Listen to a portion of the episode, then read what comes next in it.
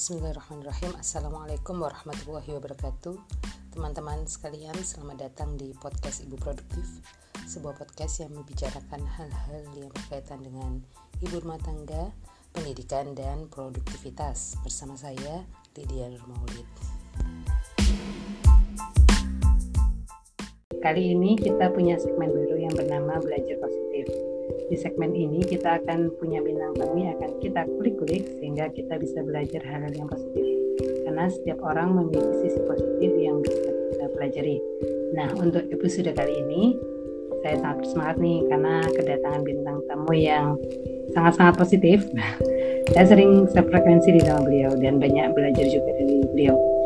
Saya manggilnya Umi Simina Ulfa. Beliau sama-sama perantau di Taipei, relawan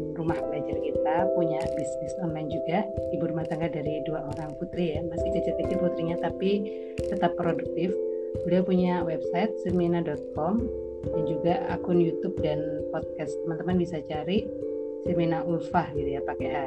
kalau di podcast catatan belajar. Bener gak nih Umi? Iya betul. Bener ya? Iya. Gimana kabarnya Umi? Alhamdulillah baik. Alhamdulillah. Mau nambahin nggak nih perkenalannya tadi kali aja oh, yang apa ya udah cukup insya Allah lengkap itu lengkap ya iya sip sip sip kali ini kita akan ngobrol-ngobrol tentang merantau dan manfaat minimalisme dalam rumah tangga kalau saya sendiri sih merantau tuh udah 8 tahun di Taiwan kalau Umi berapa lama nih merantau? aku baru mau dua tahun nih mau bulan oh, Juli hmm sebelum ke Taiwan sudah pernah merantau belum? Belum sama sekali. Ini perdana. Berarti sebelumnya di tanah kelahiran ya? Iya, tanah kelahiran di Indonesia, di Depok. Depok ya. Kalau saya di Malang, kayaknya menghabiskan banyak waktu di Malang gitu.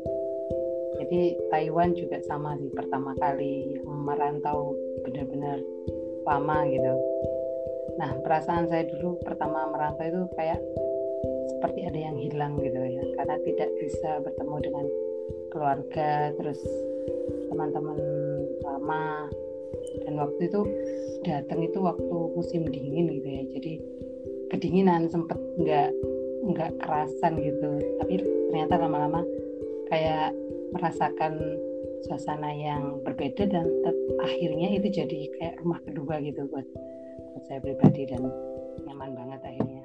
Kalau Umi sendiri gimana nih?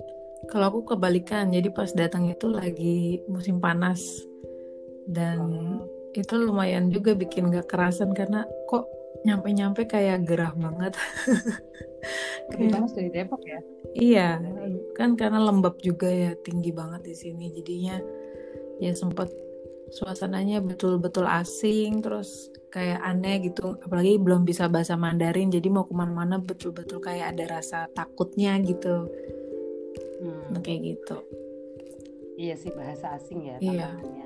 kayak ngomong itu nggak berani gitu kan. Iya nggak berani. Ke pasar aja tuh kayak takut-takut betul-betul. Nunggu beberapa bulan baru akhirnya bisa luas kayak ya udah santai aja meskipun nggak bisa bahasanya. Kan ada ada handphone bisa juga pakai bahasa Inggris dikit-dikit meskipun dia ngerti lama-lama ya akhirnya beradaptasi. Benar-benar tapi ada kesan tersendiri nggak? Merantau di Taiwan? Kesan tersendiri yang paling pertama mungkin pengalaman hal baru ya di sini banyak banget. Apalagi teman-teman baru yang semuanya tuh baru masuk ke lingkungan yang betul-betul nggak nggak kenal semuanya gitu. Jadi mutual friend pun kayaknya susah gitu nyarinya. Jadi nggak ada oh ini temennya ini itu baru belakangan aja ternyata. Dan di situ akhirnya saya bisa ngelihat dari banyak sisi terus bisa banyak banget perbedaan jadi kan dulu kan mungkin lingkungannya satu mainnya ya udah satu komunitas itu aja jadi gerakannya yang di yang dikerjain tuh bareng kalau sekarang tuh beda dan kita jadi betul-betul nyobain banyak eksperimen baru gitu jadinya ada kesenangannya tersendiri gitu. Mm-hmm. Dulu pertama kali nemu komunitas waktu di Taiwan? Oh itu karena emang kayaknya satu-satunya kan waktu mau memutuskan ke Taiwan itu kan aku request sama Pak suami kalau bisa yang dekat masjid gitu. Jadi kalau misalkan ada kegiatan atau apa tuh bisa nggak susah lah nyampe nya akhirnya ya udah berarti nyampe ke sini Kamis kalau nggak salah Jumat itu ke tempat sholat Jumat ketemu sama orang Indonesia dan di situ akhirnya ah akhirnya punya temen nih jadinya maksudnya ya udah berarti kalau kayak gitu saya nongkrongnya di masjid aja jadi biar nggak ngerasa sendiri gitu dan bisa nanya-nanya banyak hal gitu. Soalnya kan betul-betul blank mau belanja ini di mana yang nyari yang halal di mana kayak gitu. Nah ini tips juga berarti ya kita temui masjid. Iya. Kalau rantau. Jadi sebelumnya belum pernah belum ada kenalan gitu mm -hmm. ya baru kenalan itu ya di masjid itu. Iya ya sama sih. Saya juga dulu waktu uh, pertama kali ke Taiwan itu teman-teman di kampus ya itu juga kayak di pengajiannya gitu. Baru kemudian kenal banyak teman-teman di Indonesia. Terus juga akhirnya di perantau ini dapat banyaklah ilmu-ilmu baru yang nggak dapat selama di kota kelahiran. Jadi memang benar sih kalau Imam Syafi'i itu berkata kalau merantaulah gitu ya. Aku melihat air menjadi rusak karena diam tertahan. Jika mengalir menjadi menjadi jernih jika tidak akan keruh menggenang. Soalnya memang merantau itu ternyata kita dapat insight baru gitu dapat kayak sudut-sudut pandang baru dapat sesuatu yang beda dari yang sebelumnya. Kalau dari Taiwan sendiri nih kira-kira ada kesannya enggak di Taiwan kayak jadi kan ini perdana juga kan tinggal di negara minoritas. Aku pikir bakal kayak khawatir kan Taiwan itu sama nggak sih kayak Cina kan? Khawatir nanti kayak ada hmm, pandangan miring atau mungkin merasa terintimidasi. Ternyata enggak gitu. Dan di sini bahkan banyak hal-hal yang bisa saya pelajarin. Kayak kadang bikin malu sendiri kayak tentang kedisiplinannya. Taiwan begitu disiplin. Terus tentang kebersihan kesabaran orang-orangnya nih kayak hampir di setiap tempat tuh kayaknya mereka mau gitu ngantri nunggu dengan ya santai aja gitu. Terus ya pokoknya di sini kita dihadapkan sama nggak kebanyakan nongkrong. Saya perhatiin tuh didesain memang kalau misalkan tempat makan itu memang buat makan gitu. Jadi orang-orang itu produktif gitu kalau saya lihatnya. Ya meskipun ada minus-minusnya yang mungkin kayak mungkin pergaulannya atau dari sisi culture pakaian. Apalagi waktu saya datang summer jadi agak kaget. Pertama kalinya jadi kayak nggak nyaman ngelihat orang-orang gitu dengan pakaian yang terbuka. Soalnya kan di Indonesia kan mungkin sekarang mungkin sering banget kita lihat orang udah berjilbab semua gitu kan. Jadinya aneh waktu awal. Kaget kaget ya. banget. Apalagi datangnya pas musim panas iya jadi... semuanya pakai pendek-pendek tipis terbuka. Open. Iya open. Jadi memang kita bisa banyak belajar banyak hal ya dengan di Taiwan dari orang-orangnya dari kemudian pemerintah Taiwan yang kayak menyediakan fasilitasnya yang luar biasa ya kayak fasilitas pendidikan kemudian fasilitas-fasilitas umum itu banyak sih.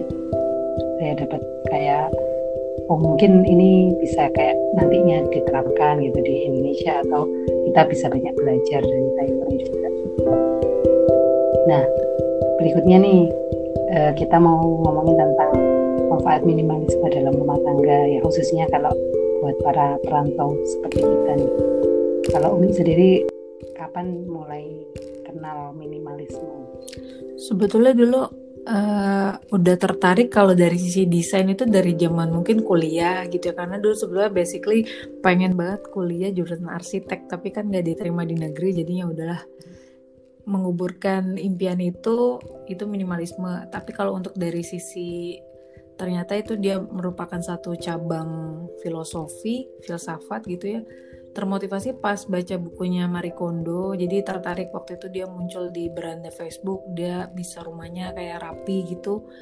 Dan ternyata kita kalau bisa bebenah dengan rapi itu kita akhirnya nanti bisa lebih produktif. Karena kita nggak kepikiran sama pekerjaan yang harus diselesaikan di rumah. Itu itu relate banget sama saya karena saya dulu zaman misalkan mau ngerjain skripsi misalkan itu ngeliat rumah masih berantakan saya jadi kayak males ngerjain skripsi karena ngerasa harus ada yang diselesaikan dulu gitu di sekeliling saya yang urgent karena ada di depan mata kelihatan kayak gitu.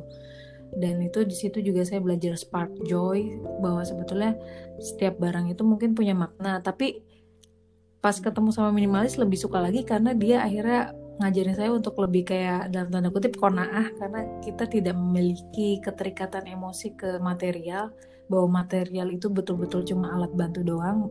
Dan kalau bisa ya pakai betul-betul seperlunya. Dan itu menurut saya value-nya itu Islam banget. Dan saya sangat tertarik kayak gitu. Dan akhirnya kita juga bisa nemuin hidup yang lebih bermakna. Jadi simple living maksudnya hidup sederhana untuk hidup yang lebih bermakna. Justru kayak gitu. Dan itu di saya itu inspiring gitu kayak gitu sih lebih ke arah gitu sih mau Iya, jadi kayak oh iya ternyata bener ya sesuai banget sama Islam kayak konsep nggak boros terus nggak terikat sama barang mm -hmm. tadi ya kayak gitu iya. ya maksudnya ya kan saya dulu kan bayangannya kayak orang zuhud itu kayak susah gitu ya kok kok segitu gampangnya gitu orang orang dulu kayak para sahabat gitu bersedekah sebanyak itu kemudian meninggalkan pada dirinya cuma ya yang penting aja maksudnya yang benar-benar waktu itu dimakan digunakan gitu yeah. kan ternyata itu tergantung cara pandang gitu ya iya kalau e, terus habis itu terus mempelajari gitu ya? iya ya? mempelajari dan saya dengerin podcastnya mungkin sering banget terus baca-baca artikel artikelnya juga. Jadi kalau misalkan di Islam itu kan mungkin dia konsep-konsep Islami prinsip-prinsipnya atau mungkin perkataan Rasulullah tentang kesederhanaan itu kan secara secara dalil gitu ya. Nggak ada secara teknis atau gimana caranya kita memandang kalau di minimalis itu banyak hal-hal yang ngajarin secara teknisnya secara secara contoh realnya gitu. Meskipun ya kalau kita kan dengar kisah-kisah kan cuma dari ini bajunya cuma dua lembar misalkan Umar kayak gitu-gitu. Tapi kan kita nggak dikasih lihat untuk betul-betul gimana sih sebetulnya filosofi oh iya ya bahwa sebetulnya kita itu kalau misalkan uh, mengejar apa misalkan kita kadang contohnya pengen punya rumah deh kita udah langsung mikir kita harus ada ruang tamu harus ada ini. Padahal itu kan sebenarnya standar yang dibuat oleh masyarakat aja gitu. Dan itu kan pembahasan itu tidak ada misalkan ya di sebelumnya yang saya baca. Dan di situ akhirnya saya makin tertarik untuk setiap hari mungkin. Ya sering lah nggak setiap hari banget juga. Karena sekarang juga tertarik sama cabang-cabang ilmu lain juga yang akhirnya turunan dari si minimalis itu kayak gitu. Karena lebih ngajak kita untuk kenapa. Jadi teknis kalau mau beli misalkan contoh deh misalkan di catering gimana caranya ngurangin barang di rumah itu kan mungkin teknis itu tidak ada di uh, literatur Islam yang saya baca gitu. Tapi di minimalis itu sampai dibikin detailnya. Ini sehari coba deh ini dikasih tahu Chelsea dan situ akhirnya sepadan gitu senilai sama saya gitu.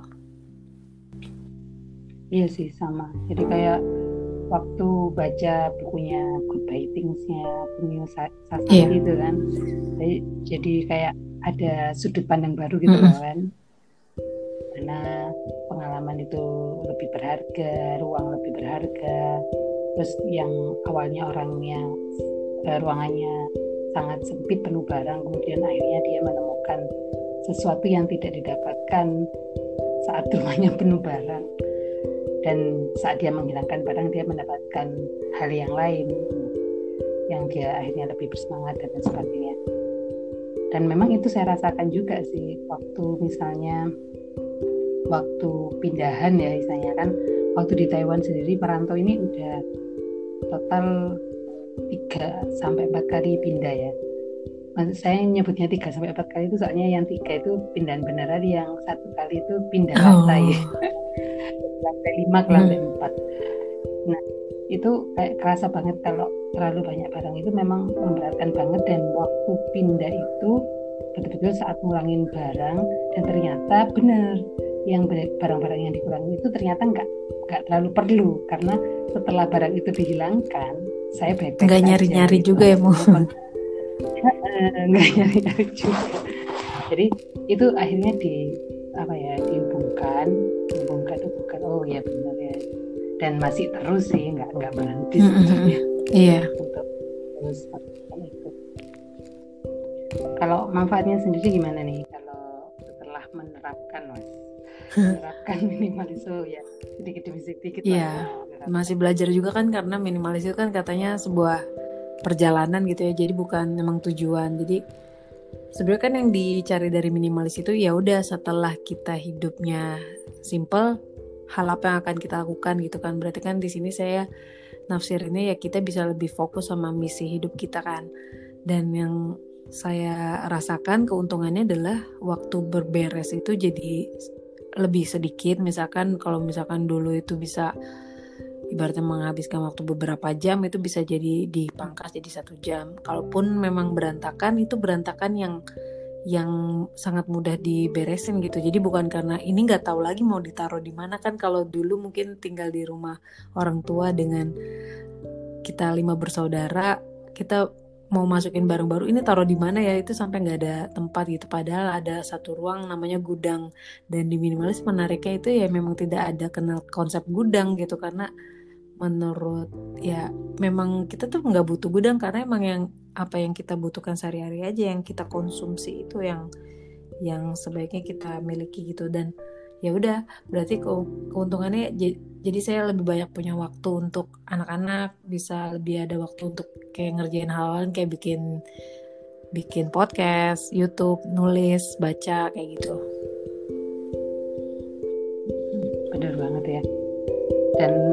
Yang saya rasakan sendiri ya kalau dulu misalnya uh, pingin barang baru itu kan juga menghabiskan waktu ya. Kayak misalnya kayak dulu itu kayak punya list gitu loh. Uh, pengen ini pengen itu gitu misalnya ya. Kayak misalnya saya dulu itu suka uh, apa suka tas ya. Terus anak-anak suka mainannya anak-anak itu suka kan karena kan lucu-lucu gitu kan. Nah itu kayak punya list gitu kan. Dan itu pun kayak menghabiskan waktu walaupun belanja online kayak browsing browsing kan juga iya compare compare ya mau baca review. mana yang lebih bagus dan lain sebagainya. Dan akhirnya memang kayak kita itu gak ada habisnya gitu loh.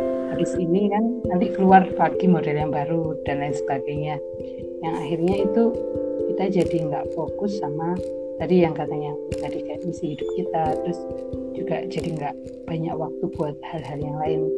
Dan memang benar itu akan menjadikan kita lebih lebih produktif karena kan kalaupun beresin itu kan nggak nggak akan memakan waktu yang lama ya dibandingkan misalnya barangnya penuh kayak barang itu kayak manggil-manggil kita gitu kan untuk di, untuk dirawat lah untuk di apakan lah itu kan pasti ada ada efeknya dari kita punya barang itu iya. gitu kan. Kalau mulainya sendiri gimana nih? Mulai menerapkan minimalisme kira-kira ada tips? Iya mungkin yang pertama refleksi diri aja. Kalau menurut saya sih saya kan waktu itu betul-betul urgent banget pengen belajar minimalis karena saya udah mulai ngerasain kecemasan ya kecemasan berlebih dan saya jadi cepat banget emosional. Ternyata pas dikulik karena misalkan gini saya pengen mas makan malam tapi saya harus beresin mainan saya harus lipetin baju. Jadi jadi ada anxiety yang muncul yang itu bikin saya jadi kayak stres gitu. Uh, ngelihat ngelihat rumah berantakan dan terlalu banyak barang gitu. Dan di situ saya refleksi diri oh ternyata selama ini yang bikin saya cemas itu ya karena saya harus melakukan beberes yang tiada akhir gitu. Jadi saya ngerasa saya butuh, saya pengen ngerjain hal lain yang menurut saya lebih punya value gitu buat hidup saya gitu. Dan mungkin dari situ akhirnya saya mulai step by step de decluttering atau mulai mengeluarkan barang-barang yang saya udah nggak pakai. Pertama mungkin kayak gitu, yang atau yang jarang saya pakai atau yang mungkin terlalu banyak. Misalkan dulu suka kayak makanan ah nyetok sekalian banyak gitu. Padahal kan sebetulnya itu nanti dia makan ruang nanti yang lain jadi nggak ada tempatnya jadi berantakan gitu. Apalagi dulu saya tinggal di tempat yang apartemen petakan waktu awal pindah jadi itu kayak merasa tercekik oleh adanya barang-barang kayak saya tidak butuh tempat duduk tapi saya mempertahankan.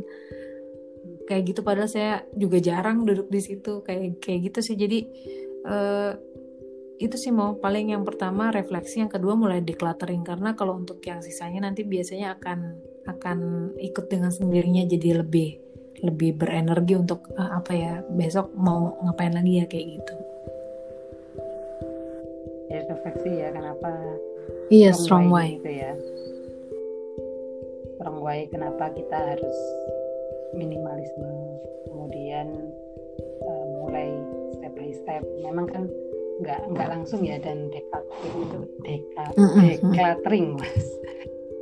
Oh yang ngurangi barang-barang itu kan memang harus terus iya. terus ya nggak bisa soalnya mulai dari soalnya kadang kayak iman gitu naik turun kan kita jadi kita udah nggak beli baju lagi tapi ada hal lain yang kita beli kayak gitu. Kayak misalkan ya apa? gitu. Jadi emang itu yang penting kenapanya sih kita fokus yang setelah ya udah setelah rapi rumah kita mau ngapain nih? Gitu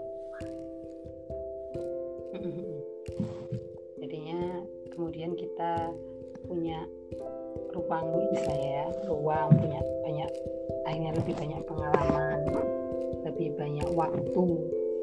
Dan memang perjalanan ini kan seperti kata tadi kan perjalanan dan bukan jadi akhir sehingga kita ya terus menerus melakukannya gitu kan. Kalau saya dulu juga sama sih awalnya kayak nyari yang ya yang yang nggak nggak berfungsi dulu lah. Kadang kan kita suka apa ya kalau bahasa Jawa iya saya kali aja nanti kepake. Kali aja nanti kepake tapi udah kalau udah ya ini di disingkirkan ternyata nggak dicari lagi. Berarti itu memang nggak nggak nggak perlu dan nggak penting. Dan sekarang ini juga mulai belajar nggak masukin barang lah kalau nggak perlu banget. Pokoknya betul-betul berpikir gitu kan. Kalau masukin barang ini penting nggak? Kalau penting penting banget enggak gitu. Sampai sampai karena ya tadi ingat-ingat pengalaman waktu yeah. di rumah aja. Begitu memberatkan kalau memang terlalu banyak barang. Dan kita pun sebetulnya kan ya tadi kalau dengan barang yang betul-betul kita butuhkan barang-barang yang memang penting untuk kita kita jadinya juga hemat pengeluaran juga ngerasain, ya. ngerasain. Uh uh uh, jadi kayak dulu misalnya kayak pengen ini pengen itu gitu sekarang itu kok udah kayak nggak nggak nggak terlalu punya uh -uh. keinginan gitu loh. Iya. Itu juga nggak? Uh -uh, lebih pengen apa ya? Sebetulnya uh, jadi emang keinginannya tuh jadi beda aja mau jadi kayak pengennya eksplor mana yuk kita nabung buat ini yuk kayak gitu. Jadi emang pengen nyobain banyak hal gitu jadinya. Oh lebih mm -mm. ke pengalaman gitu ya? Mbak yang lebih bersifat iya. pengalaman. Iya saya juga sih.